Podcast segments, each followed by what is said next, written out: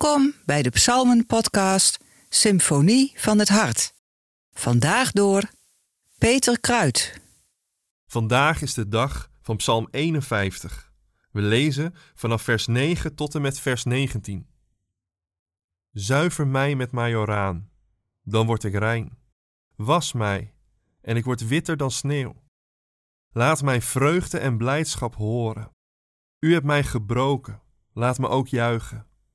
Sluit uw ogen voor mijn zonde en doe heel mijn schuld teniet. Schep, o God, een zuiver hart in mij. Vernieuw mijn geest en maak mij standvastig. Verban mij niet uit uw nabijheid. Neem uw heilige geest niet van mij weg. Red mij. Geef mij de vreugde van vroeger, de kracht van een sterke geest. Dan wil ik verdwaalde uw wegen leren en zullen zondaars terugkeren tot u. U bent de God die mij redt. Bevrijd mij, God, van de dreigende dood.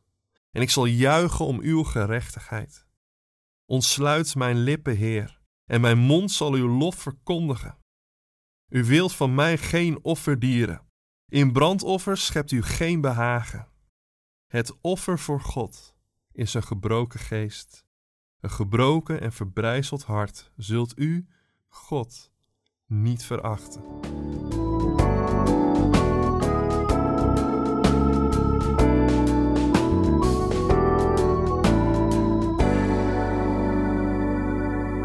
Een half uur voordat we met ons schip geladen waren aan de Waalse cementfabriek, werd de laadpijp midden op de dag uit het schip gehaald en vertelde de beste man mij dat morgen weer een nieuwe ploeg zou komen voor de rest.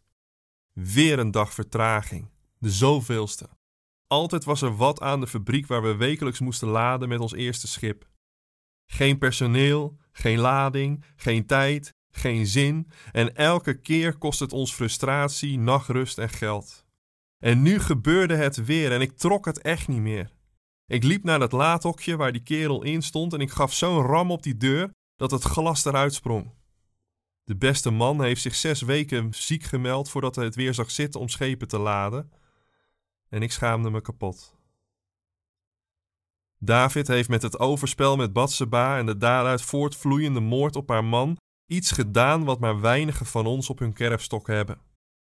In de beschrijving van die geschiedenis zien we hoe David in de middag een keer op zijn gemakje uit bed komt, hoe hij vanuit zijn paleis Batseba spot die ergens op een dak in bad gaat en hoe hij haar schaakt.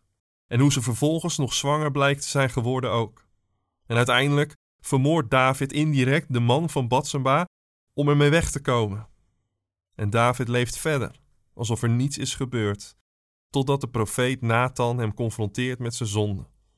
Dit is de aanleiding voor de psalm van vandaag. Je kan zeggen van de Bijbel wat je wil, maar het is wel een eerlijk boek. David is het onbetwiste voorbeeld van een man naar Gods hart. Zijn koningschap wordt in de Bijbel gezien als exemplarisch voorbeeld van hoe de ideale koning van Israël moet zijn. Maar deze man van God blijkt in de praktijk van het leven enorm tegen te vallen. De Bijbel beschrijft Davids leven eerlijk en gedetailleerd. David, de man naar Gods hart, en David, de zondaar. Hoe verhouden die twee zich tot elkaar? Ik denk dat we het antwoord op die vraag vinden in Psalm 51. In de eerlijke worsteling van David over zijn zonde en de houding daarin naar God toe. Het eerste deel van de psalm bevat de verootmoediging en vraag om vergeving. David kent zijn wandaden en spreekt ze uit. Ik heb gedaan wat slecht is in uw ogen.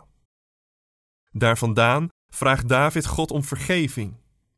De eerste vijf boeken van de Bijbel laten zien dat onze zonde schuld veroorzaakt bij God.